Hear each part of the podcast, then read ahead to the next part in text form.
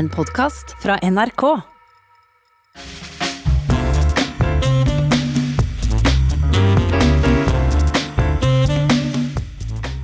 Ja, Nylig så døde en kjent norsk konspirasjonsteoretiker med korona etter et låvemøte i palmehelga på Gran på Hadeland.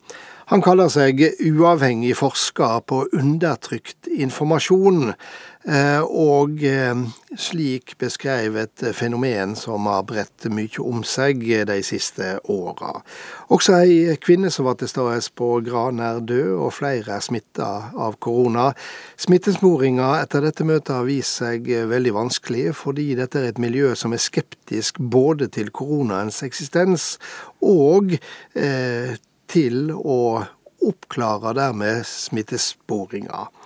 For eh, få år siden så tok nok de færreste av oss konspirasjonsteoretikerne på alvor, men en av de som har studert dette fenomenet lenge, det er du, Didrik Søderlin. Velkommen. Takk.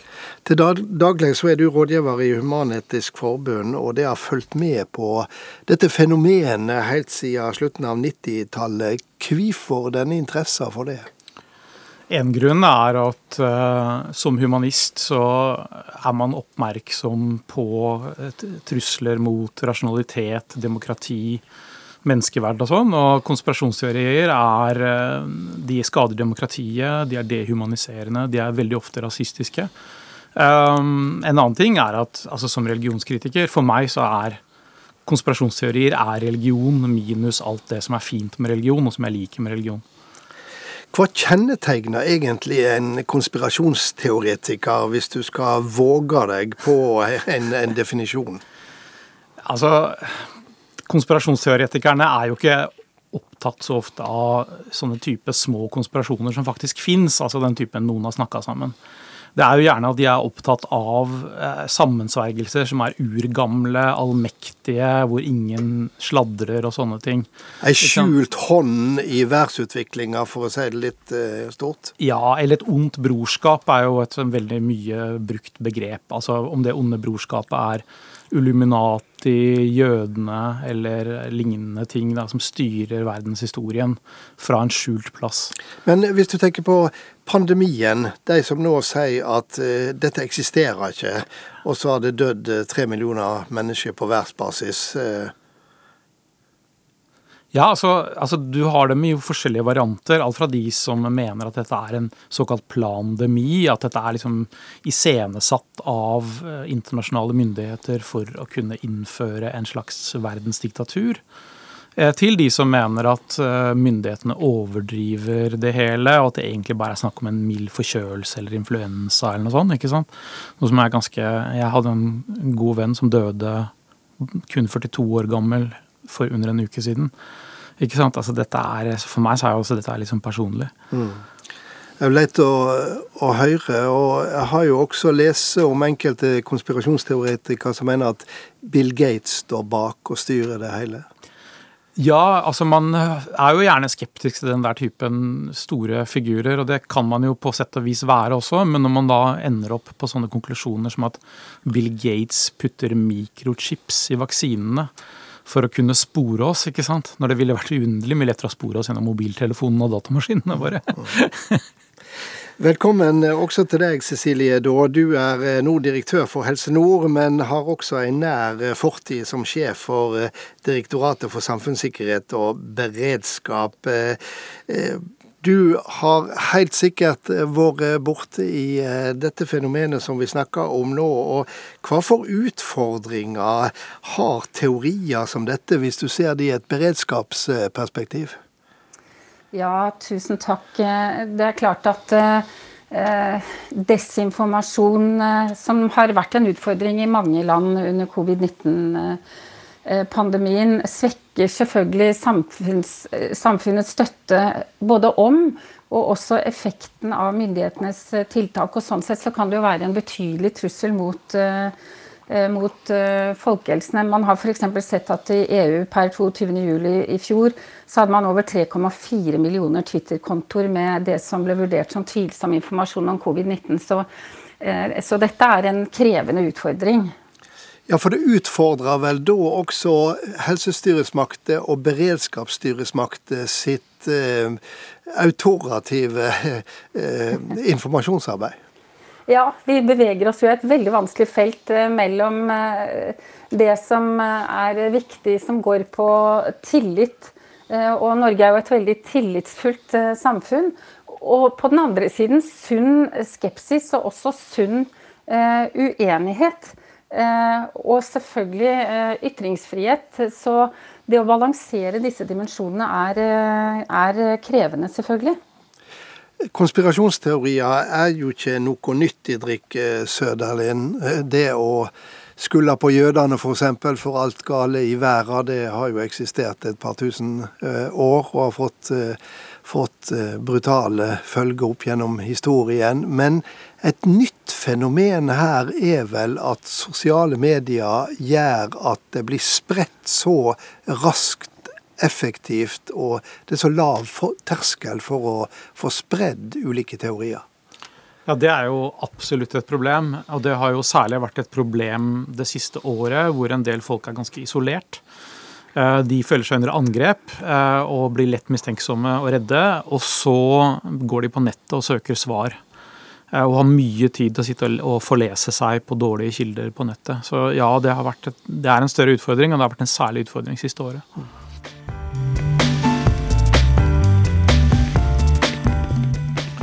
Ja, jeg har eh, fremdeles med Didrik Søderlind og Cecilie da. Og like før vi lytter til Tonje Ustad, så um, snakker vi om at Eh, konspirasjonsteorier i dag sprer seg så raskt og effektivt gjennom sosiale medier.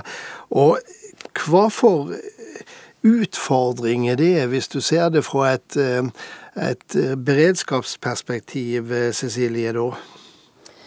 Det er jo tre ting en må ha stålkontroll på i en krise- og beredskapssituasjon. Det ene er situasjonsforståelse. Det andre er samordning og koordinering, og det siste er informasjonsdeling. Og det var noen som sa at, den, at egentlig så er krisehåndtering 80-90% snakk om uh, informasjonshåndtering. Det var noen kommunikasjonsfolk, selvfølgelig. Men, mm. men, men hvis du tenker det i vid forstand, så, eh, så er jeg nok uh, enig. Det var noen som sa at alle forstår verdien av hygiene på en operasjonsstue, mens få forstår behovet for tilsvarende hygiene i det digitale rom. Og det tror jeg nok er noe av det som er eh, utfordringen vår. Det er et krevende rom å, å ta. Og så så vi jo eh, fra USA gjennom eh, Trump-årene at vi fikk et begrep som heter alternativ virkelighet, Didrik Søderlind. Ja. Trump brukte jo konspirasjonsteorier aktivt, eh, og var jo konspirasjon, både konspirasjonsteoretikernes president og selv en konspirasjonsteoretiker. Ja, Det så vi vel med storminga av Kongressen og, og, og, de gruppene som der var representert, i hvert fall. Absolutt. Og Trumps valgkampanje var jo også gjennomsyret av påstander at Obama var født i Kenya og sånn. Så, så det har jo løpt som en rød tråd gjennom hele hans presidentskap og hele trumpismen. Men dette uttrykket 'alternativ virkelighet', eh, Cecilie, da, det er vel å kidnappe ordet virkelighet, er det ikke det? altså for, for, for, meg så blir det jo fort over mot uh, det mer uh, medisinske, syke og patologiske. Men, men for å snu på det, så, så vil jeg jo si at, at, det å sørge for at man har en Eh, en eh, egenberedskap i befolkningen, både på individ- og, systemnivå, som, som, gjør at vi er kildekritiske. Eh, er opptatt av å forstå hva slags informasjon vi får. At vi har pålitelig tilgjengelig myndighetsinformasjon og faginformasjon. Og ikke minst gode medier også, Stanghelle. Det, det må vi jo få lov å si. at det å ha en kritisk, uavhengig og selvkritisk presse som vi alle kan ha tillit til, er jo eh, en, en, del av dette. Sånn at eh, alternative virkeligheter er egentlig ikke et eh, begrep som en kunnskapsbasert person som er helt klar å forholde meg til. Nei, altså Her har du lov til å si hva du vil. Og, og, og, og jeg har jo forståelse for at, at, det er vanskelig å forholde seg til begrepet alternativ virkelighet. Men Fra å ha en del år der vi kanskje bare lo og trakk på skuldra av de ville konspirasjonsteoriene, så har vel de siste åra sett at dette må vi ta på alvor, Didrik Søderlind. For det er ikke uskyldige barneleiker som noen originaler driver på på, på, på utvida gutterom. Nei, Konspirasjonsteorier er, kan være livsfarlige. altså Holocaust var i stor grad drevet av konspirasjonsteorier. Utøya, Trumps presidentskap var drevet av konspirasjonsteorier. Altså, konspirasjon, konspirasjonsteorier er alltid et tegn på at her tenkes det veldig, veldig dårlig. Eh, samtidig så er det også sånn at konspirasjonskulturen er så gjennomsyret av f.eks. antisemittisme at den alltid bare er et tastetrykk unna, eller en hyperlenke unna. sånn at eh, når folk kommer dragende med konspirasjonsteorier, så er det alltid veldig god grunn til å slå alarm. Og så ser en jo at i motsetning til eh, for en del år siden, så eh, blir jo sjøl de villeste teoriene delt eh, på sosiale medier i det som ser ut som profesjonell innpakning, og i en rasende fart. Er det vanskelig for myndighetene å holde følge med dette, Cecilie, da? Ja, det er jo en del av det som vi kaller for sammensatte trusler, hvor man bruker ulike virkemidler Eh, for å påvirke enten aktører til å eh, opptre på en bestemt måte, eller ta det vi snakker om nå, kunnskapsrommet, som jo er det rommet hvor en deler eh, meningsytringer, former beslutninger, og, og med litt, litt, ulike formål. Det er jo ikke alltid lett å vite verken hvem som står bak, eller hva formålet er. Men det å destabilisere demokratiet, svekke tilliten til myndighetene, Eh, det er eh, jo mye det disse påvirkningsoperasjonene omfatter. Og så er det ikke sånn at jeg ler på noen måte av eh, konspirasjonsteoretikere eller teorier når jeg sier at jeg ikke klarer å forholde meg til alternative virkeligheter. Men Eh, eh, men, men, men eh, det, er, det, er, mer, tror jeg, min store bekymring knyttet til at nå når vi har stor usikkerhet, også i forhold mm. til en del spørsmål knyttet opp mot covid-19, så må vi ha felles situasjonsforståelse og jobbe og jobbe og jobbe for det. Syns du det blir utfordra i, i, i, Norge i dag, sånn som du ser det, eller er vi så rotfest i det tillitsbaserte samfunnet fremdeles at vi, vi lytter til styresmaktene? Vi måler jo tillit til styresmaktene i Norge, og det er det ikke alle land som våger seg på. Og Helsedirektoratet måler jo jevnlig tilliten man har nå til håndteringen av covid-19, og den er svært høy i Norge, så. Eh, så, vi er nok der. Men jeg håper samtidig at vi eh, skal ha sunn skepsis og sunn eh, uenighet, også knyttet til det vi ser, at er områder vi ikke alltid har de gode svarene på, iallfall ikke enda. Ganske kort til slutt, Didrik Søderlind. Det er jo fort gjort å peke på USA og QAnon-bevegelsen osv. Men hvis vi tar et raskt blikk på Norge i dag, ser du en økende innflytelse, økende aktivitet når det gjelder fenomen eh, som, som er konspirasjoner eh, her i landet? Det gjør jeg. Og når jeg ser f.eks. en tidligere justisminister som Per-Willy Amundsen deler eh, videoer fra Infowars-miljøet rundt Alex Jones, eh, så blir jeg skremt over hvilken vei vi er på vei.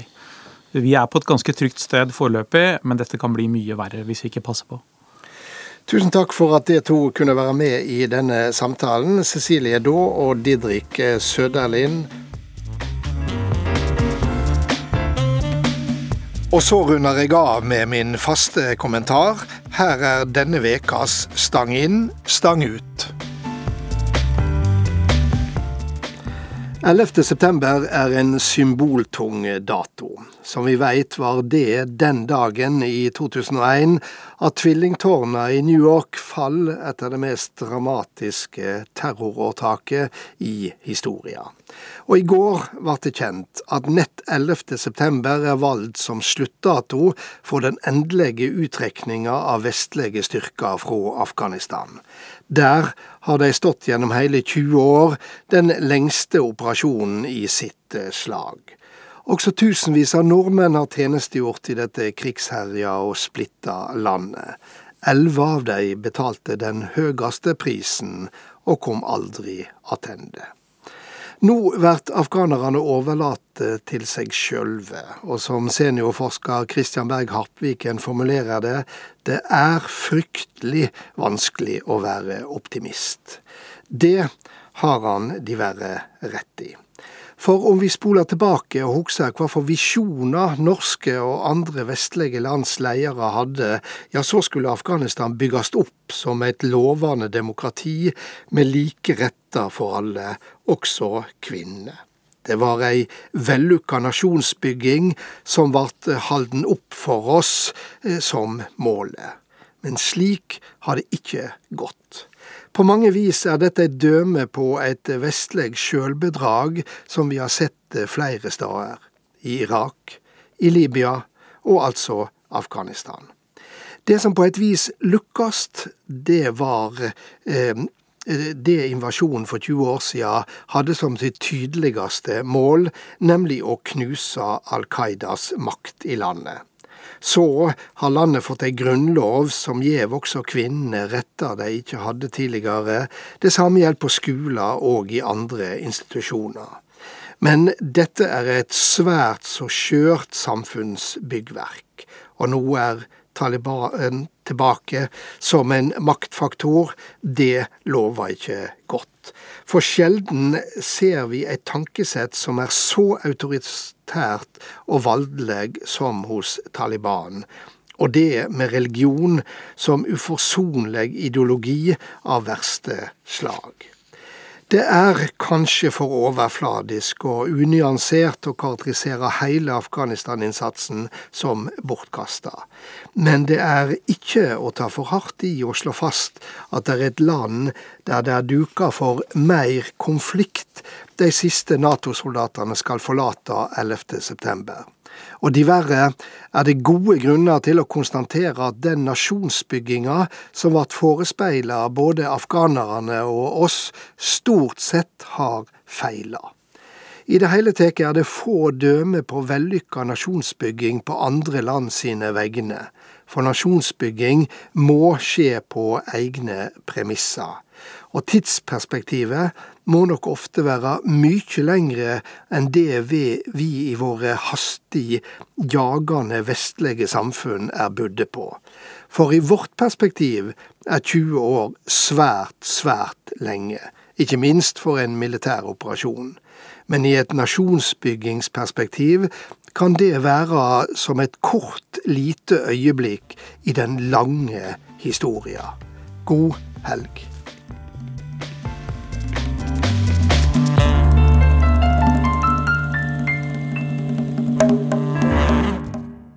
Du har hørt en podkast fra NRK.